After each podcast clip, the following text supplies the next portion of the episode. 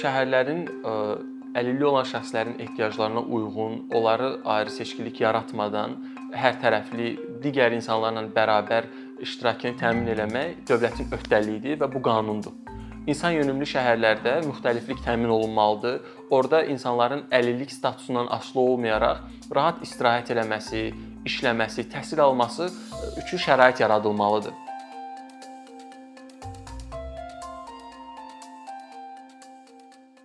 Ağlabatan uyğunlaşdırma əlilliyi olan şəxslərin əsas insan hüquq və azadlıqlarının digərləri ilə eyni səviyyədə həyata keçirilməsinə şərait yaratmaq üçün mümkün və zəruri olan uyğunlaşdırma və dəyişikliklərə verilən addır. Bu əlilliyi olan şəxslər haqqında olan qanunda belə yazılıb və həmin qanunda həm də qeyd olunur ki, dövlətin əlillik siyasətinin prinsiplərindən biri inklüzivlikdir. Yəni bütün infrastruktur obyektlərinin, təhsilin, səhiyyənin və digər sahələrin cəmiyyətin əlilliyi olan şəxslərin ehtiyaclarına uyğun müəssərləşdirilməsi və uyğunlaşdırılması siyasətin bir parçasıdır. Həm də bu siyasətin ikinci bir hissəsi inteqrasiyadır. İkinci prinsipi inteqrasiyadır. İnteqrasiya da deyir ki, dövlət əlilliyi olan şəxslərin cəmiyyətə digər insanlarla bərabər hərtərəfli inteqrasiya olmasına və iştirakçılığın təmin olunmasına bütün şəraiti yaratmalıdır.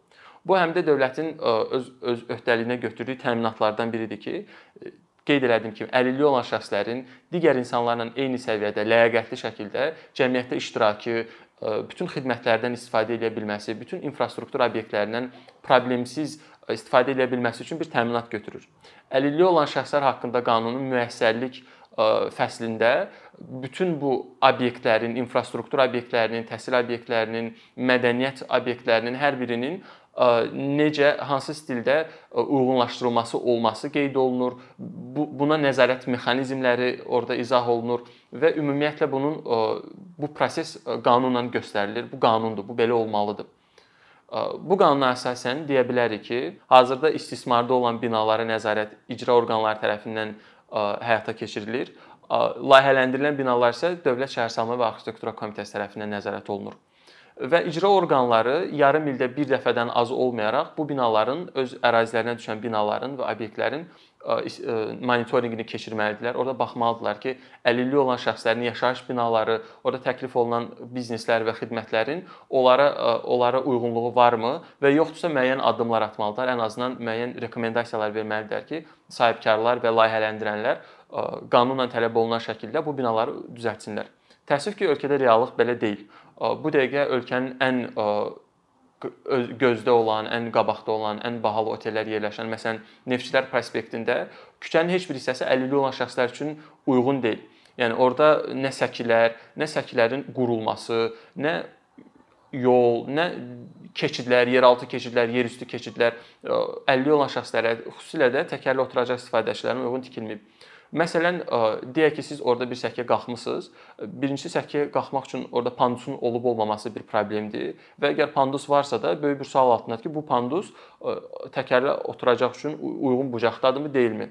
Və siz məsələn sizə kimsə kömək edə bilər, siz o pandusla qalxarsınız. Siz hələ bilmirsiniz o yolun o tərəfində, səkinin o biri başında maşınlar maşın keçəndə səkilər dayanır, qutarır da. Orda pandus var yoxsa yoxdur? Yəni belə bir qeyri-müəyyənlik də var. Çünki bu yolları tikəndə elə tikiblər ki, bir tərəfdə pandus olsa da o bir tərəfdə yoxdur. Yəni siz onu fikirləşə-fikirləşə gedirsiniz və məsələn o səkilərin qurulduğu ora düzülən daşlar ya mərmər və s. bunlar da çox vaxt ə, arabalar üçün uyğun olmur. Təkərlər orada silkələnirlər. O arabada gedən adam silkəlinə-silkəlinə gedir. Bu narahatçılıq yaradır və çox vaxt sırf bu problemlərə görə insanlar səki ilə yox, düşürlər yolla gedirlər, asfalt yolla gedirlər və məsələn elə həmin küçədə, həmin prospektdə maşınlar çox sürətlə şütüyür, təhlükə həm insan sağlamlığına təhlükə yaradır, həm də məsələn insan stressə düşür. Ən azından stressə düşür ki, bu qədər sürətlə maşın tez-tez sənin yanından keçir və sən belə qalırsan. Bu infrastrukturun əsas problemlərindən biridir.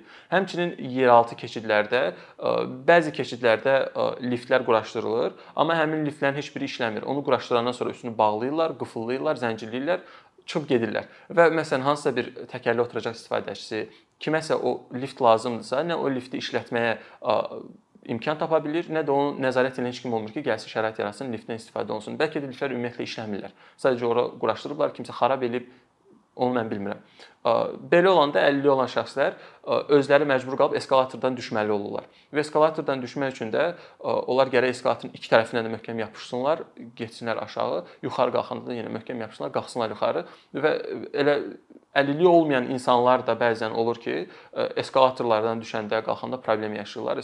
İnsan öz artıq davranışından asılı olan bir şeydir və 50 olan şəxslərdə sırf belə bir problem olur. Yerüstü keçidlərdə də eyni cürədir. İctimai binalarda da eyni cürədir. Elə binalar olur, onların girişində çoxlu pilləkənlər olur və ümumiyyətlə panduslar olmur. Elə binalar olur ki, ora məhz bu layihələndirilən zaman qoyulan tələblərə görə panduslar qoyulsa da, bu panduslar əlilliyi olan şəxslərin ehtiyaclarına uyğun nəzərə alınaraq qoyulmur. Sırf bir tələb olduğuna görə qoyulur. Onun bucağı çox dik olur. Oradan araba nəinki tək heç kimsə köməyi ilə də onu ora qaldırmaq mümkün olmur. Ondan başqa binaya daxil olandan sonra orada lift liftlərin genişliyi, liftə giriş, liftdə düymələrin yerləşməsi, orada breyl hərflərinin olub olmaması, ayaq yolların uyğun olub olmaması, bunların hamısı əlilliyi olan şəxslərin ehtiyaclarına uyğun hazırlanmalıdır. Amma bu dəqiqə belə deyil. Çünki əsas problem həmin binanı layihələndirən, həmin binanı tikən insanların, şirkətlərin əlilliyi olan şəxsləri nəzərə almamasından irəli gəlir. Yəni ora o pandusu qoyanda da, o keçidə o rampaları yerləşdirəndə də onlar fikirləşmirlər ki, bunun bucağı dik deyil. Yəni onlar bunu əl arabası üçün yox, hansısa kolyaska üçün, kimisə velosipedi üçün, oradan keçə biləcək başqa bir təkərli bir nəqliyyat vasitəsi üçün nəzərdə saxlayırlar və deyirlər ki, hə bu adam burdan keçə bilər, velosipedi tutub salar, kolyaskadır nəzarətlə salar, amma 50 olan şəxslər fikirləşmirlər. Bu e, daha köklü bir problemdir, mentalitetdən gələn problemdir e, və sırf e, əlillik əsaslı ayrı seçkiliyə dəstək olur. Və bunu dəyişdirmək üçün çoxlu resurslar lazımdır, böyük resurslar tələb olunur. Çünki bu infrastruktur yenidən əlilliyi olan şəxslərin ehtiyaclarına uyğun ağlabatan uyğunlaşdırma və universal dizayn prinsipləri əsasında qurulmalıdır. Biz məhz bu problemi həll etmək üçün KEKAMAPS tətbiqini yaratmışıq. KEKAMAPS tətbiqi bir xəritədir və bu xəritədən istifadə edərək vətəndaşlar fərqi yoxdur, əlilliyi var yoxsa yoxdur, yaşı, cinsi heç nəyin fərqi yoxdur. Azərbaycan vətəndaşları bu saytdan istifadə edərək bütün ictimai binaları və infrastruktur obyektlərini e, dəqiq yeri ilə, nöqtəsi ilə və orada olan problemləri e, e, siyahıya alaraq yerli icra orqanlarına və Əmək və Əhalinin Sosial Müdafiəsi Nazirliyinə elektron şəkildə göndərə bilərlər.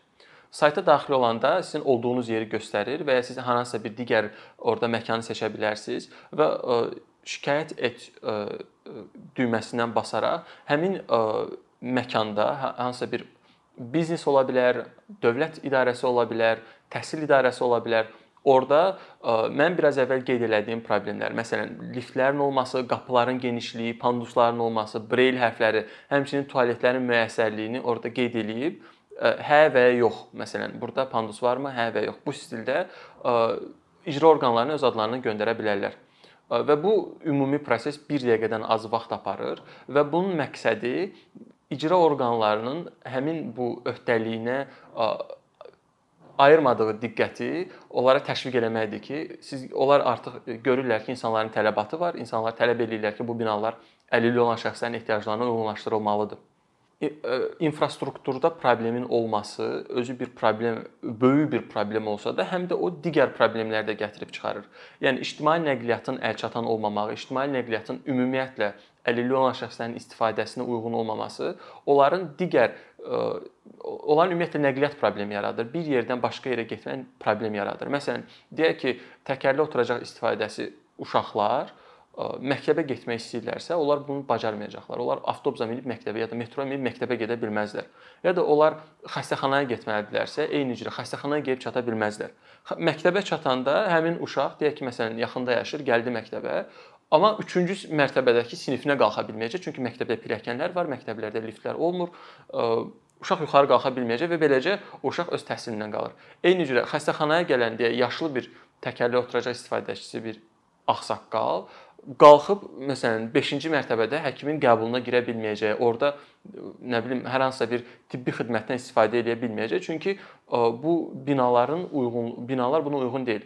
Və əsas da səhiyyə obyektlərində, xəstəxanalarda, klinikalarda bu dövlət klinikalarında da bu problemlərin olması əlilliyi olan şəxslərin bu xidmətlərdən tamamilə kənarda qalmasına və onların onların haqqı olan səhiyyə xidmətlərindən, reabilitasiya xidmətlərindən istifadə etməsinə böyük çətinliklər yaradır. Məsələn, insanlar deyək ki, bir çətinliklə də olsa gedirlər həmin xəstəxanaya, ora çatandan sonra da orada yaranan bu məhdudiyyətlər, çıxan problemlər onların e, səhiyyə xidmətlərindən istifadəsinə böyük əngəllər yaradır. Və təkcə bu iki sahədə yox, digər bütün sahələrdə infrastruktur problemi əsasında təhsil ala bilməyən əlilliyi olan şəxslər sabahsı gün iş tapanda da çətinlik çəkirlər, çünki onların elə insanlar olur ki, onlar ümumiyyətlə oxumağı, yazmağı belə düzgün öyrənə bilmirlər. Çünki ə, sağlamlıq imkanları məhdud şəxslər üçün xüsusi təhsil haqqında qanun olsa da, ə, bu qanun həyata keçirilmir hansı insanlara ki, xüsusi təhsil imkanları yaradılmalıdır, inklüziv təhsil ola bilər, yaşadıkları yerlərdə, müalicə aldıqları yerlərdə onlara təhsil üçün şərait yaradılmalıdır, davamlı, kəsintisiz. Bu edilmir və ona görə də onlar öz gələcək həyatlarında özləri üçün iqtisadi müstəqillik təmin edəndə və deyək ki, öz hüquqlarını müdafiə etmək istəyəndə bu problemlərlə qarşılaşırlar. Şəhərlərin əlilliyi olan şəxslərin ehtiyaclarına uyğun, onları ayrı seçkilik yaratmadan hər tərəfli digər insanlarla bərabər iştirakını təmin etmək dövlətin öhdəliyidir və bu qanundur. İnsan yönümlü şəhərlərdə müxtəliflik təmin olunmalıdır. Orda insanların əlillik statusundan asılı olmayaraq rahat istirahət eləməsi, işləməsi, təhsil alması üçün şərait yaradılmalıdır.